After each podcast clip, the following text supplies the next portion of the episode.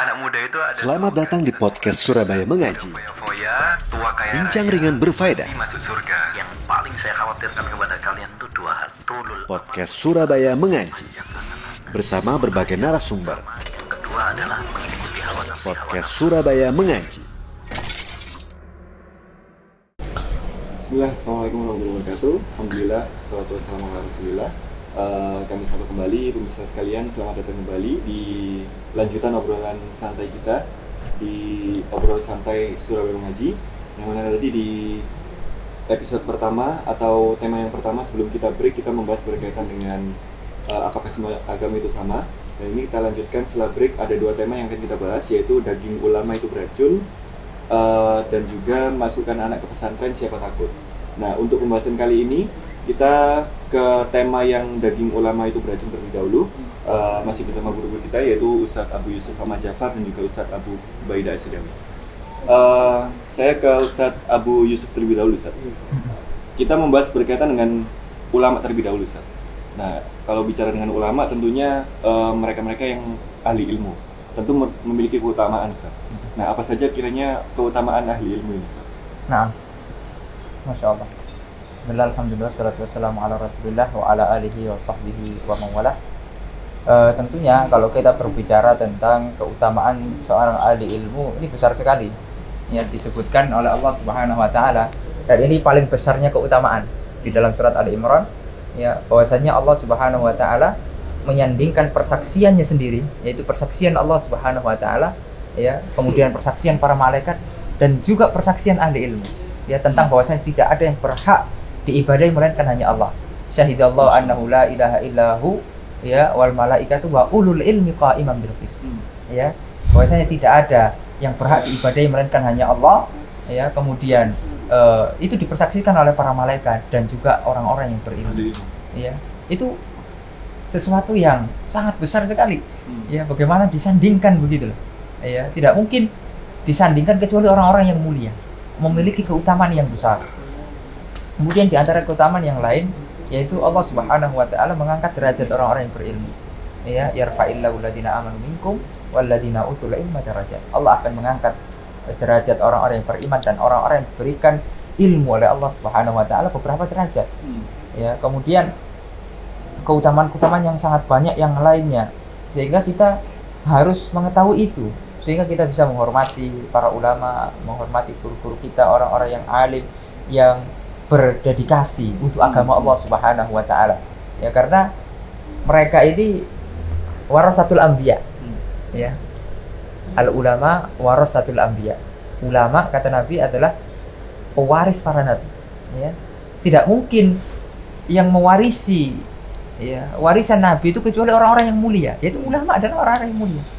Ya oleh karenanya mereka dimuliakan mereka dihormati ya tidak boleh direndahkan tidak boleh eh, di apa ambil hak-haknya dan lain sebagainya Hmm. ya Allah taala Ustadz Abu terkait keutamaan ahli ilmu. Iya tadi sudah disampaikan oleh beliau ya tentang bagaimana Allah mengangkat derajat mereka, bagaimana para ulama itu adalah ahli waris Nabi Shallallahu Alaihi Wasallam ya dan banyaklah ya keutamaan-keutamaan yang lain di antaranya yang yang anak ingat ya. Eh, hadis Nabi Shallallahu Alaihi Wasallam ya, di mana beliau mengabarkan inna waha wa malaikatahu wa ahlas samawati wa ahlal ard la yusalluna ala mu'allimin nasil khair hatta al-huti fil bahar wa hatta namlati fi juhriha. Sesungguhnya Allah SWT penduduk langit, penduduk bumi itu semuanya mendoakan untuk orang-orang yang mengajarkan kebaikan ya para ulama mengajarkan kebaikan ya didoakan oleh eh, Allah, didoakan oleh para malaikat, didoakan oleh seluruh penduduk langit dan penduduk bumi. Sampai-sampai kata Nabi, ikan-ikan di lautan. Berapa jumlah ikan di laut coba ya kan? Kemudian semut-semut di eh, sarangnya. Mereka mendoakan. Subhanallah. Ya, makanya eh, pernah ya eh, disebutkan oleh Syekh Sulaiman Ar-Ruhaili. Beliau salah satu syekh kita. Beliau eh, pengajar di Masjid Nabawi, ya. sering ke Indonesia, daurah. Ya, beliau pernah mengatakan dalam bukunya itu sifat eh, Sarah Al-Wasiyatus Sughra karya Syekhul Islam Taimiyah. Kata beliau, ada pernah salah satu guru saya menasihati saya. Wahai Sulaiman, jangan kamu menjadi orang yang lebih hina daripada binatang. Terus dia bilang, ya, kok bisa? Gimana maksudnya orang lebih hina dari binatang itu? Yaitu tatkala kamu merendahkan ulama, menghina ulama. Kalau kamu menghina ulama, merendahkan ulama, berarti kamu lebih rendah daripada binatang. Kenapa demikian? Karena Nabi bersabda tadi bahwasanya para e, malaikat, penduduk langit dan bumi saja mendoakan kebaikan, bahkan ikan-ikan, ikan hewan ya. Kemudian semut-semut mendoakan kebaikan. Kalau hewan saja mendoakan kebaikan, memuliakan para ulama, kemudian ada orang yang merendahkan para ulama, berarti lebih rendah dari binatang tuh. Ya, lebih rendah dari binatang. Maka jangan sampai kita ini le lebih rendah lah daripada uh, daripada ini ya, daripada binatang ya. Kita harus menghormati para ulama. Kita harus mendoakan kebaikan untuk para ulama. Jangan sampai menghina para ulama, melecehkan, merendahkan para ulama. Naudzubillah jangan. Ya, subhanallah dalam agama Islam ini jangankan merendahkan ulama ya, merendahkan binatang saja itu nggak boleh loh. Merendahkan binatang itu nggak boleh. Ada hadis dalam riwayat Abu Dawud itu, la tasubuddik fa innahu yukidhukum lis Jangan kamu mencela adik. Adik itu ayam jago. Jangan kalian mencela dia. Ya. Karena dia itu punya jasa. Jasanya apa? Bangunkan kalian sholat, sholat subuh. Kan berkokok dia kan, alarm gratis tuh. Ya. Uh, dia punya jasa membangunkan kalian untuk sholat kalau kita dilarang oleh Nabi SAW menghina uh, ayam jago, apalagi para ulama yang jasanya tentu lebih besar daripada ayam gitu. Jadi bahkan kalau kalau dia cuma membangunkan untuk sholat saja, jasanya para ulama membangunkan kita dari kelalaian kita, ya bukan hanya untuk sholat saja, kelalaian kita semuanya ini banyak ya. Kita ini kan banyak yang lalai. Para ulama mengingatkan kita. Intinya para ulama ini orang-orang pilihan ya uh, pilihan mereka eh, orang-orang uh, yang hebat orang-orang yang uh, mulia di sisi Allah Subhanahu wa taala maka kewajiban bagi kita adalah memuliakan kepada mereka ya beradab kepada mereka mendoakan kebaikan untuk mereka ya jangan sampai mencela mereka dengan tetap masih dalam koridor. Dalam artian jangan sampai juga karena alasan memuliakan para ulama kemudian kita berlebih-lebihan ya sampai mengkultuskan misalkan ya itu juga nggak boleh. Makanya sikap kita kepada para ulama itu eh, tengah-tengah. Merendahkan nggak boleh menghina para ulama ya menghina para ulama nggak boleh tapi mengkultuskan para ulama ya eh, berlebih-lebihan kepada para ulama itu juga nggak boleh sikap kita tengah-tengah kita hormati para ulama kita, kita uh, uh, beradab baik kepada mereka, ya, tidak mencela mereka, tapi jangan berlebihan kepada mereka. Wow, wow. Ya, dalam agama Islam sendiri apakah ada anjuran atau mungkin perintah untuk menghormati guru ini Ustaz? Dan apakah di zaman para salaf dahulu itu apakah ada contoh mereka-mereka dalam menghormati guru ini? Oh, saya lagi. nanti tidak. Fadal. Nah, jelas eh, dalam sebuah hadis Rasulullah SAW mengatakan laisa minna man lam yujil kabirona. Ya. Walam yarham sohirona. Ya. Kemudian walam ya'rif li'alimina haqqahu. Ya, itu di ada ziyadah dari Ubadah bin Samit. Ya, hadis yang sebelumnya itu dari uh, Abdullah bin Amr bin As. Jadi bukan golongan dari kami. Ya, ya intinya bukan ajaran kami ya orang-orang yang tidak memuliakan orang-orang yang besar, orang-orang tua, ya. Kemudian juga tidak merahmati, menyayangi anak-anak muda, ya. Kemudian tidak mengetahui hak-hak seorang yang berilmu, hak-hak orang yang alim. Ya, mereka punya hak, mereka punya eh, hal-hal uh, yang harus kita jaga, ya, kehormatannya dan lain sebagainya. Kemudian ada suatu kisah yaitu Zaid bin Sabit dengan Abdullah bin Abbas. Hmm. Ya.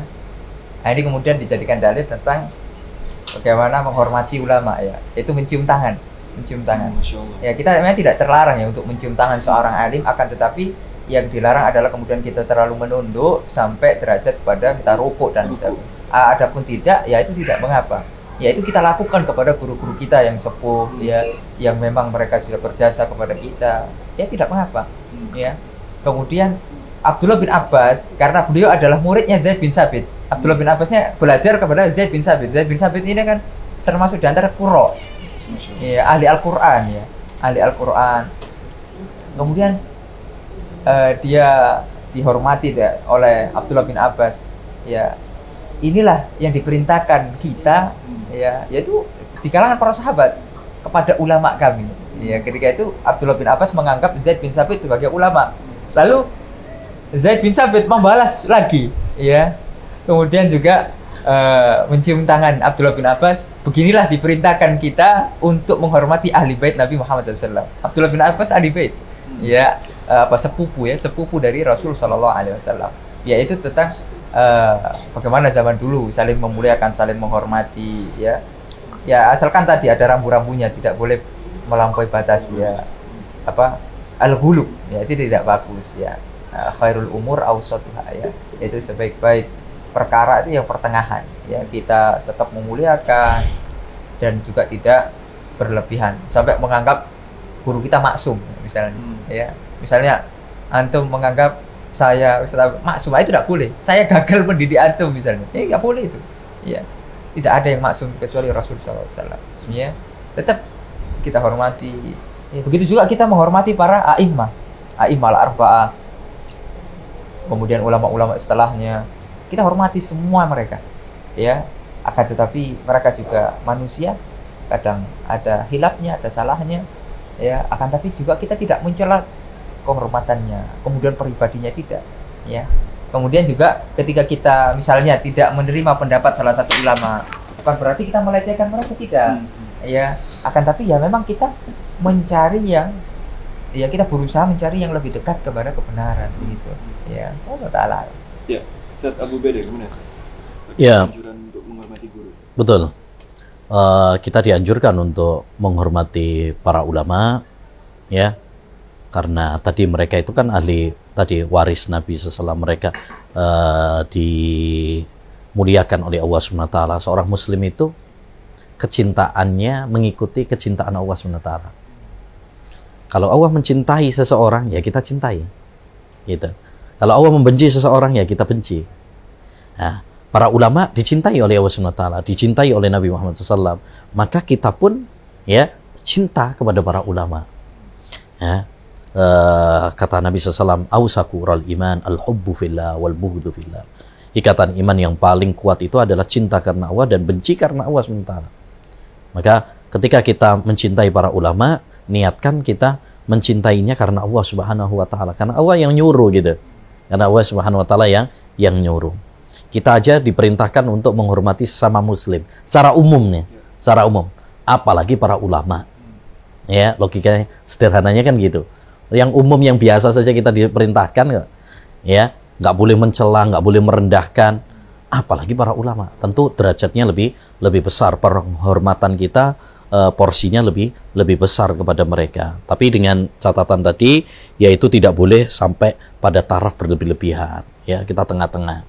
Tidak boleh sampai fanatik kepada mereka, ya, menjadikan ucapan-ucapan mereka itu eh, maksum seperti Al-Qur'an dan hadis ya, itu nggak boleh. Karena para ulama mereka juga manusia, bisa benar bisa salah. Makanya kata Imam Malik, kullun yukhad min qawli wa yutrak illa sahiba hadzal. Setiap orang itu pendapatnya bisa diterima dan ditolak. Kecuali pemilik kubur ini yaitu Nabi Muhammad sallallahu alaihi wasallam. Ya. Dan eh, penghormatan kepada ulama, penghormatan kepada ustadz atau dai itu salah satu kunci mendapatkan ilmu. Artinya kita kalau mau ingin mendapatkan ilmu, salah satu kuncinya ya menghormati ustadznya. Kalau kita sudah nggak seneng nih sama ustadznya, gimana mau dapat ilmu ya? Ya, gimana mau dapat ilmu? Makanya eh, dalam ilmu hadis itu, dalam ilmu hadis ada sebuah hadis yang dikenal oleh para ulama dengan namanya hadis musalsal bil awaliyah. Hadis musalsal bil awaliyah. Apa ya hadis musalsal bil awaliyah? Itu hadis yang pertama kali dipelajari dan diajarkan. Ini kalau kita belajar hadis, itu para ulama menjadikan hadis ini pertama kali dipelajari dalam ilmu hadis dan pertama kali diajarkan. Ya, yaitu hadis apa? Irhamu man fil ardi yarhamkum man fis sama. Sayangilah yang di muka bumi, niscaya uh, Allah Subhanahu wa taala yang di atas langit akan sayang kepada kalian. Artinya uh, kenapa para ulama menjadikan hadis ini yang dipilih gitu ya? Kan hadis banyak. Kenapa hadis ini yang dipilih sebagai hadis pertama kali? Eh karena ilmu itu dibangun di atas cinta kasih sayang. Kita nggak akan dapat ilmu kalau kita nggak seneng sama ustadz kita, sama uh, pengajar kita, kan gitu. Makanya dulu para ulama sangat hormat kepada guru mereka, bukan uh, hormat yang berlebihan ya, tapi hormat yang sesuai dengan kadar, sesuai dengan kedudukan guru mereka. Mereka mendoakan kebaikan, mereka menutup aib. Uh, ini beradab banget, ya, sebagaimana disebutkan dalam kitab-kitab adab ya, ya akhlak para penuntut ilmu dijelaskan. Salah satu yang menarik, ya mungkin sekedar satu contoh saja. Uh, Imam Ahmad bin Hambal itu beliau termasuk salah satu yang belajar kepada Imam Syafi'i. Sehingga uh, kalau kita lihat biografinya, salah satu muridnya Imam Syafi'i itu daftarnya salah satunya Imam Ahmad bin Hambal. Ya. Beliau pernah mengatakan sebagaimana diriwayatkan oleh anaknya Abdullah, saya ya uh, tidak pernah melupakan ya Imam Syafi'i dalam doa-doa saya. Jadi ini salah satu adab ya, adab ya, terutama kepada para ulama, yaitu apa? Kita mendoakan. Ya, karena ulama telah berjasa besar kepada kita. Kita doakan mereka. Dan itu yang dianjurkan, ya, yang diajarkan kepada kita. Setiap kali disebut nama para ulama, kita doakan Misalkan uh, berkata Syekh Al-Albani, kita doakan rahimahullah. Semoga Allah merahmatinya. Berkata Syekhul Islam Taimiyah rahimahullah. Itu salah satu wujud kita kecintaan kita kepada para ulama. Ya, di antara wujud kita juga kecintaan kita kepada para ulama, penghormatan kita kepada para ulama, yaitu dengan kita mengambil ilmu dari mereka. Ya, jangan ngaku-ngaku cinta kepada ulama tapi nggak mau ngambil ilmu dari dia. Diambil yang sesuai hawa nafsunya saja. Ini banyak nih ngaku-ngaku bermadzhab syafi'i misalkan. Tapi yang diambil ya cuma yang sesuai dengan dia saja. Yang nggak sesuai dengan dia nggak diambil. Nah itu bukan kriteria uh, penghormatan kepada para ulama ahlul ilmi yaktubuna ma lahum wa ma alaihim wa ahlul ahwa la yaktubuna illa ma lahum ya uh, kata sebagian ulama salaf ahlul ilmi itu mereka menulis, mencatat yang sesuai hawa nafsu dan yang tidak sesuai. Karena tujuan kita ini ya adalah untuk uh, mengikuti Quran dan hadis, bukan selera-seleraan gitu. Enggak. Kemudian juga di antara bentuk penghormatan kita kepada para ulama membela mereka.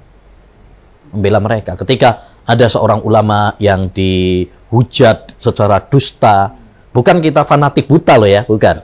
Kalau misalkan ada yang mencela para ulama kan banyak tuh ya celaan-celaan kepada para ulama ya uh, kepada terutama kepada Syekhul Islam kepada uh, Muhammad bin Abd, Syekh Muhammad bin Abdul Wahab ya kalau ulama-ulama belakangan seperti Syekhul Albani ini tiga ulama yang paling banyak diserang. Paling banyak di, diserang. Uh, kewajiban bagi kita adalah membela uh, kehormatan mereka yang kenapa demikian karena harus kita pahami celaan-celaan mereka ini kepada para ulama, tuduhan-tuduhan dusta kepada para ulama, sejadinya bukan menyerang pribadi. Ini yang harus dipahami. Mereka sebenarnya mengincar yang lebih daripada itu. Yaitu dakwah yang dibawa, ilmu yang diajarkan. Jadi orang yang mencela Syekhul Islam Taimiyah atau orang yang menyerang Syekh Muhammad bin Abdul Wahab, orang yang merendahkan Syekhul Albani, itu pada dasarnya bukan menyerang pribadinya Syekh Albani atau menyerang pribadinya Ibnu Taimiyah. Mereka sedang menyerang dakwah atau ilmu yang disebarkan oleh Ibnu Taimiyah. Seakan-akan mengatakan, "Ya segini loh Ibnu Taimiyah kayak gini, nggak usah diambil ilmunya." ya eh, Syekh Albani ini kayak begini ya eh, selevel sama mahasiswa dua aja ya eh, semester dua takhrijnya ya kira artinya kalimat-kalimat yang sifatnya merendahkan itu tujuannya apa? Supaya ilmu Syekh ilmu Syekh nggak diambil. Nah ini yang maka kewajiban bagi kita membela. Mandabba an irdi ahi. Ya kata Nabi SAW siapa yang yang membela kehormatan saudaranya maka Allah Subhanahu wa taala akan menyelamatkan dia dari siksa neraka. Jadi itu membela saudara kita loh apalagi kalau membela ulama gitu kan. Ya, jadi eh, kita wajib mencintai para ulama, membela para ulama termasuk membela mereka dari kedustaan-kedustaan. Bukan kita membela itu secara membabi buta. Ya, kalau memang Syekhul Islam keliru dan kritikannya benar, ya ya ya kita terima. Tapi kan kebanyakan kebanyakan celaan-celaan ini bukan eh, sudah dusta, kemudian juga eh, tidak ilmiah, tidak ilmiah. Ada istilah orang Indonesia ada udang di balik ya. Ada maksud. Ah, Iya, ada udang di balik nampan ya. Jadi ada ada maksudnya lah istilahnya, bukan ya ada tujuan dia di balik itu itu ada gitu. Nah ini bisa diketahui dari eh, rekam jejaknya dia dengan ucapan-ucapan dia itu bisa diketahui. Ya, indikasi-indikasi itu bisa bisa diketahui. Nah, maka orang seperti ini eh, harus ya umat itu harus diberi eh, pelajaran. Maksudnya, oh ini nggak benar, kita harus membela ya ulama-ulama nggak boleh dicela seperti itu ya kan kadang ada wah ini eh, kalian ulama kalian di dikritik gitu aja ya kalian kebakaran jenggot gitu kan Nah, kalau kritikannya ilmiah nggak ada masalah atau tidak dusta gitu ya.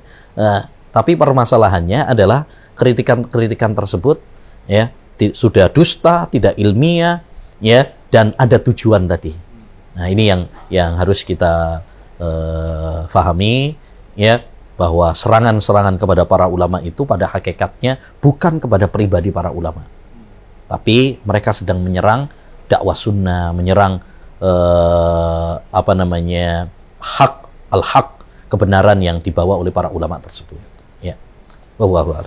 Ya, sebelum ke pembahasan berikutnya kami ingatkan kepada para pemirsa sekalian bagi yang menyimak bisa ajukan pertanyaan, bagi yang ada pertanyaan bisa disampaikan di kolom komentar eh, baik di live YouTube maupun di live Facebook. Insya Allah nanti akan kami bacakan di akhir pembahasan terkait tema daging ulama itu beracun. Baik, berikutnya Ustaz, eh, terkait ghibah Ustaz, ghibah eh, kepada ahli ilmu.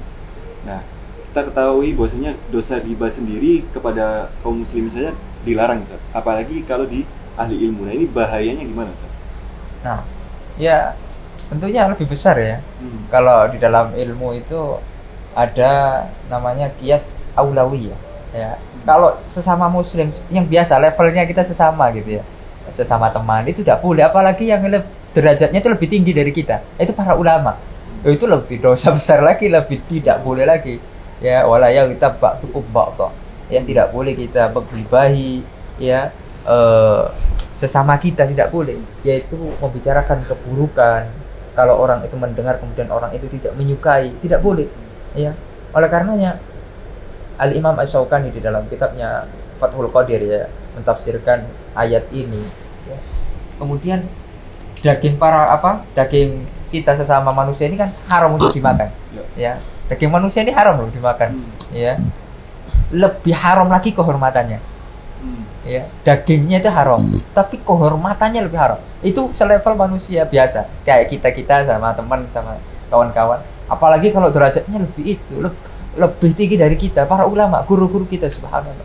Ya itu lebih lagi gitu. Hmm. dan itu dosanya besar sekali ya. Kemudian kita menjatuhkan kehormatan mereka bahkan mungkin merendahkan fisiknya naudzubillah. Ya naudzubillah. Ya kemudian merendahkan profesinya. Ya, sebagian saya pernah mendengar itu merendahkan profesinya gitu. Jadi kan bahaya sekali. Apa hubungannya? Keilmuan dengan profesi tidak ada hubungannya. Hmm. semisal ya sebagai contoh ada yang menghina Syekh Nasiruddin Al Albani rahimahullah karena beliau hanya sebagai tukang jam kerjanya Hmm. servis jam itu. Hmm. ada a- a- apa hanya servis jam aja kok ngomong hadis itu apa hubungannya? Justru itu kan kemuliaan mencari mukafaah dengan tangannya.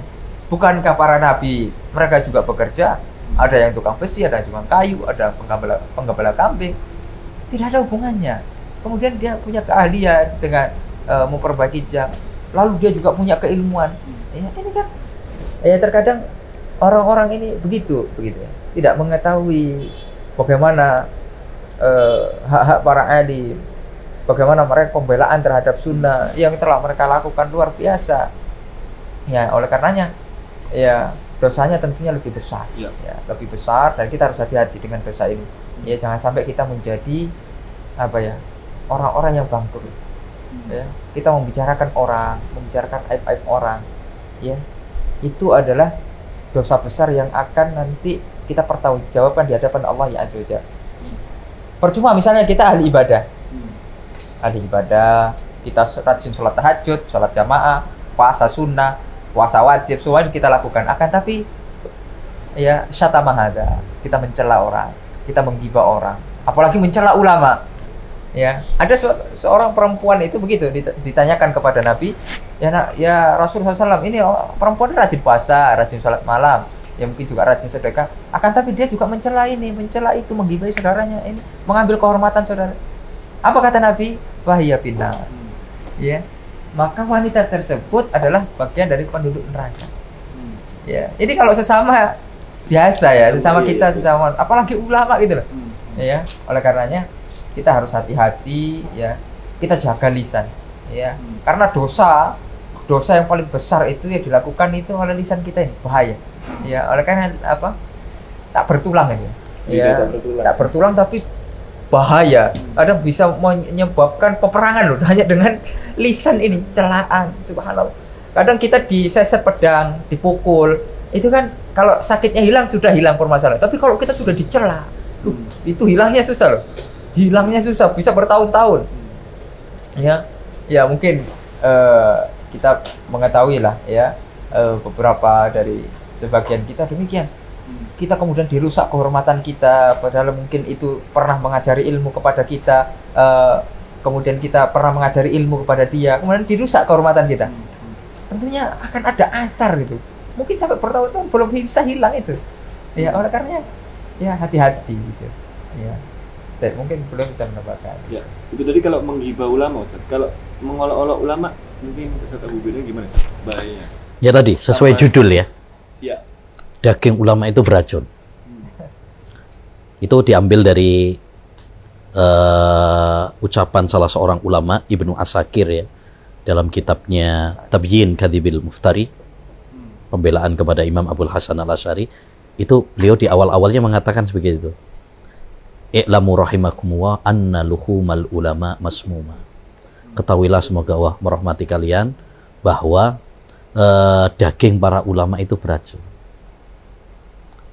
Wa adatu wa fi hadki muntakisihi maklumah.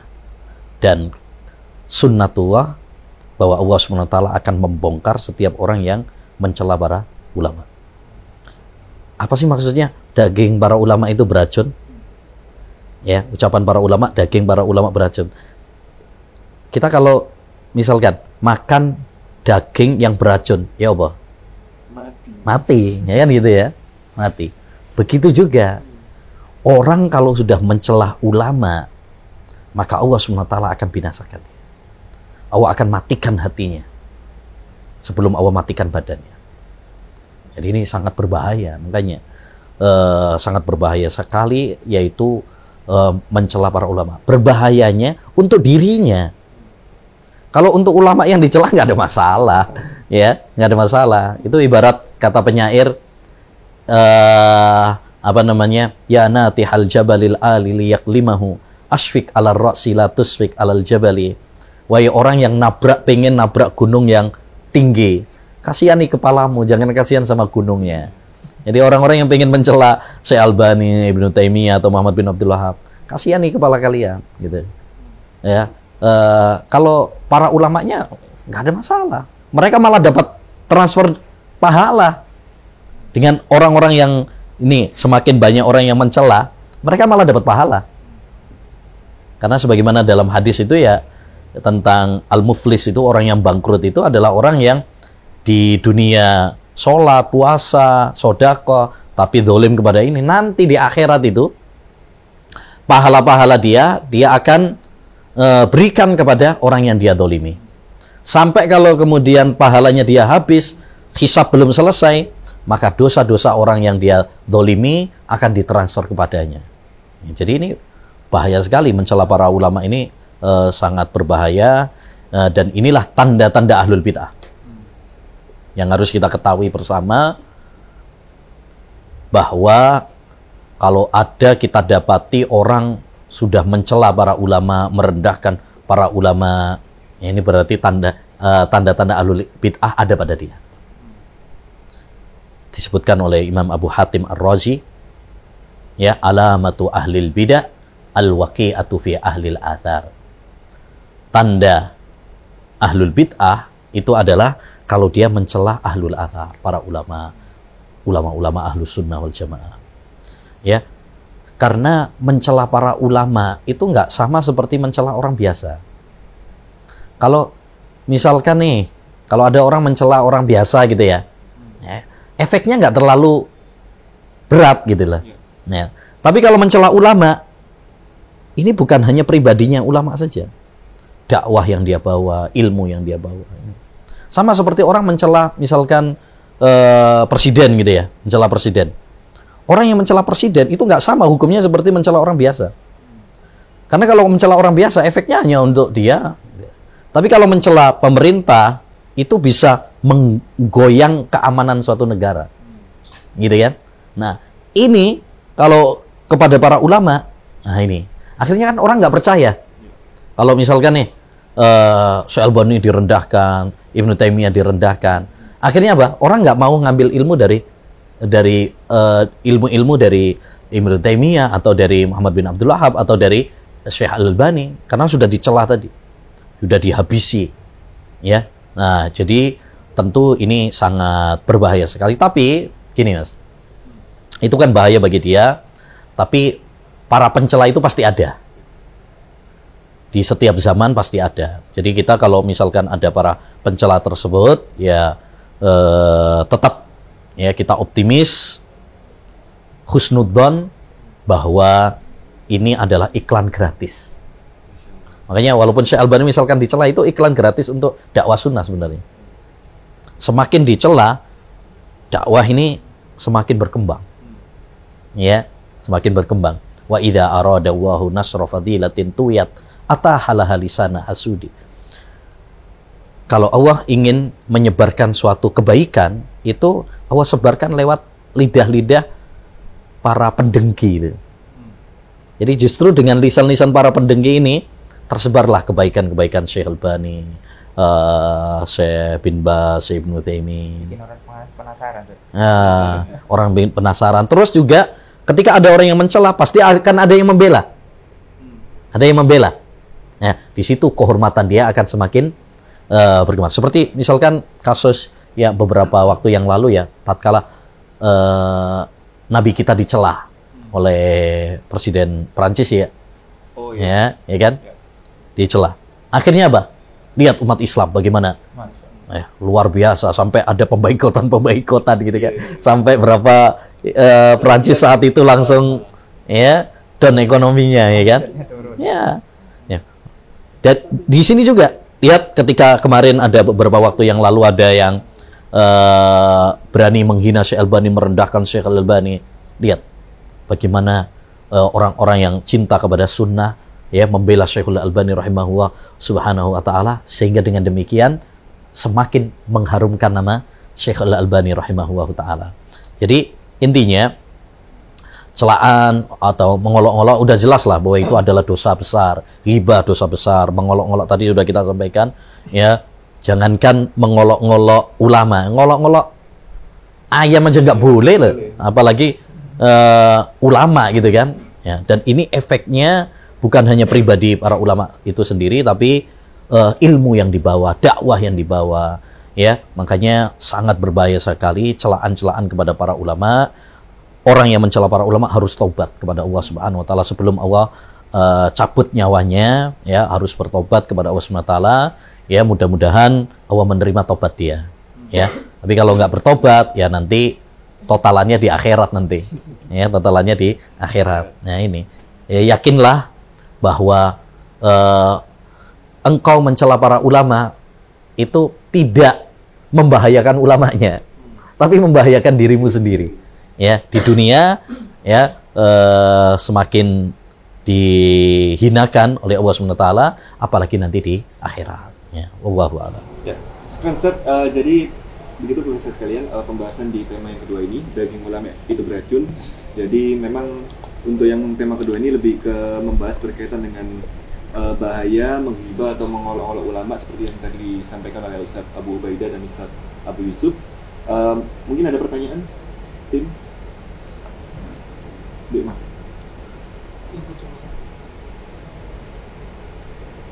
Ya, ini ada satu pertanyaan Ustaz. Eh, dari pemirsa di YouTube Eh, berkaitan dengan mencela para ulama ini Ustaz. Bagaimana ketika ada seorang ikhwan yang sudah ngaji, dia menamai guru-guru itu dengan penamaan yang buruk seperti preman-preman atau bahkan mendoakan keburukan seperti qatalahumullah karena barangkali di pandangan dia ada ketergelinciran atau kesalahan dalam ustaz-ustaz tersebut. Nah, ini bagaimana Ustaz? Dan bagaimana kita memandang permasalahan seperti ini? Ustaz Abu Yusuf. Nah, ya kalau yang dicela, dihina itu yang membawa sunnah, mengajarkan sunnah, mengajarkan tauhid itu tidak boleh. Walaupun mungkin ada pribadi dia yang salah, itu tetap tidak boleh. Sampai seperti apa preman-preman itu kan buruk ya. Ya tidak boleh. Itu kita harus jaga lisan ya. Meskipun mungkin kita berbeda dalam pandangan istihad misalnya ya eh, beberapa hal kita mungkin berbeda, tetap kita harus menghormati loh. Ya, asalkan yang dibawa adalah tauhid. Ya, nah ini saya juga menyarankan kepada kawan-kawan jangan memakai bahasa-bahasa yang seperti itu apalagi kemudian sampai mengatakan kota lahumullah itu kan berbahaya sekali Berbahaya. ya kan ya takutlah itu akan kembali kepada diri kita ya. Ya mungkin kita harus perbaikilah lisan kita.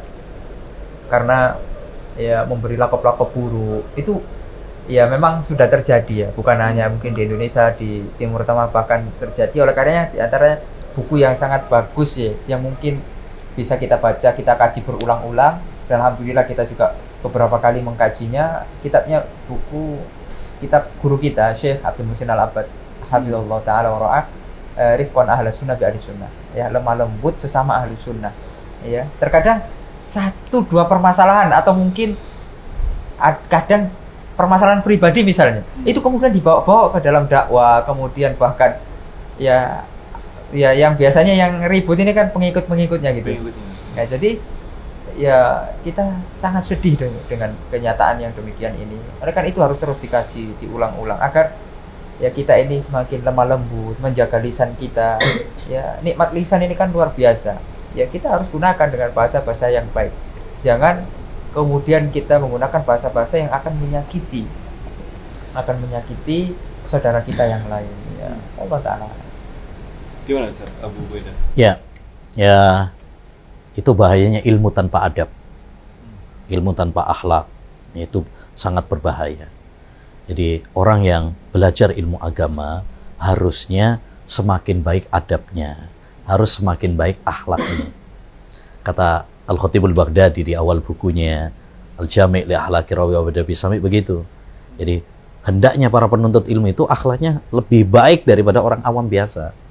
Karena dia eh, kan semakin dia ngaji hadis-hadis Nabi, hadis-hadis itu isinya akhlak, adab gitu.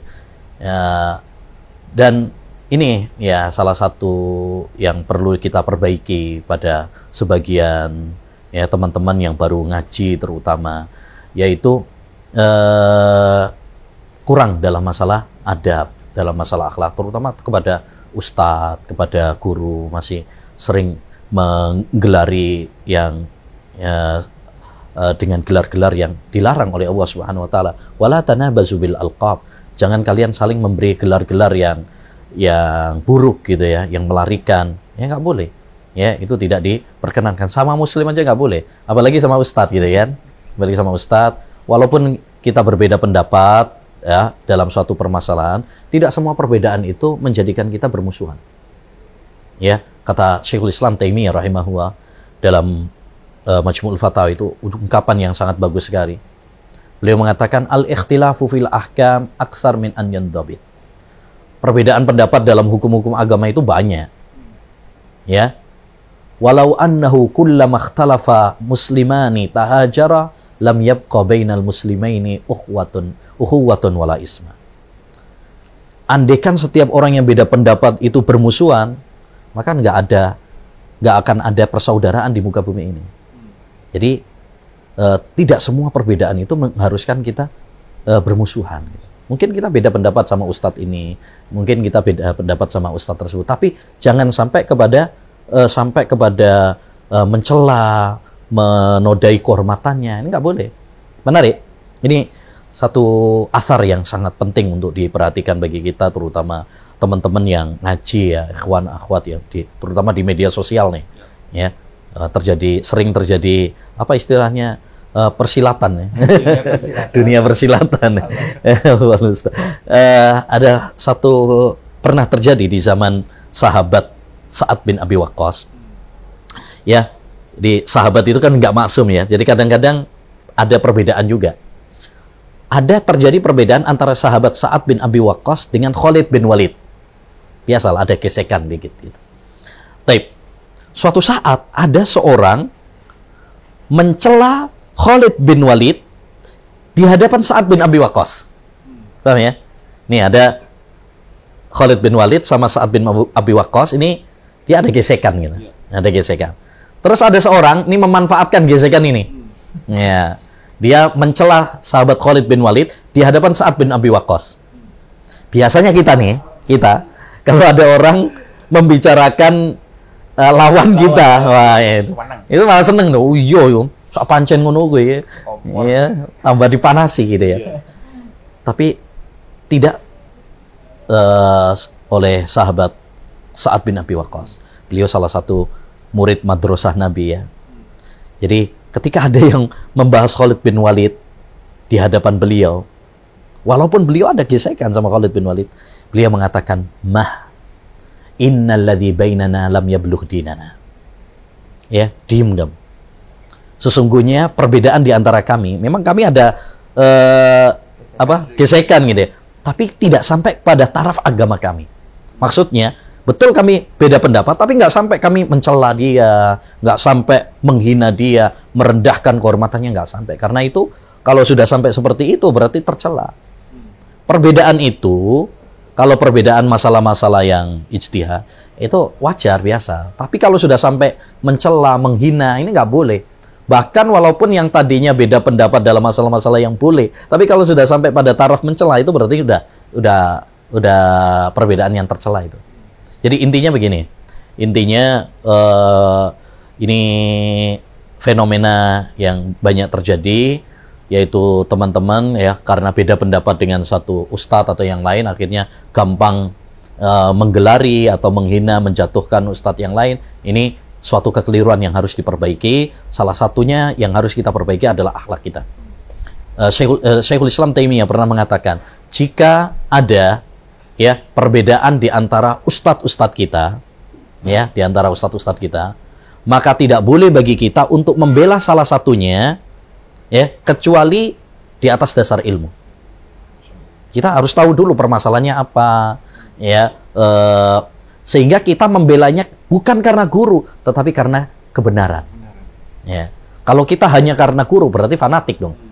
Jadi eh, intinya intinya ya ya seperti itu. Terus satu juga mungkin saya ingin nasihatkan juga kepada teman-teman ya jangan menyibukkan tadi dunia persilatan di media sosial.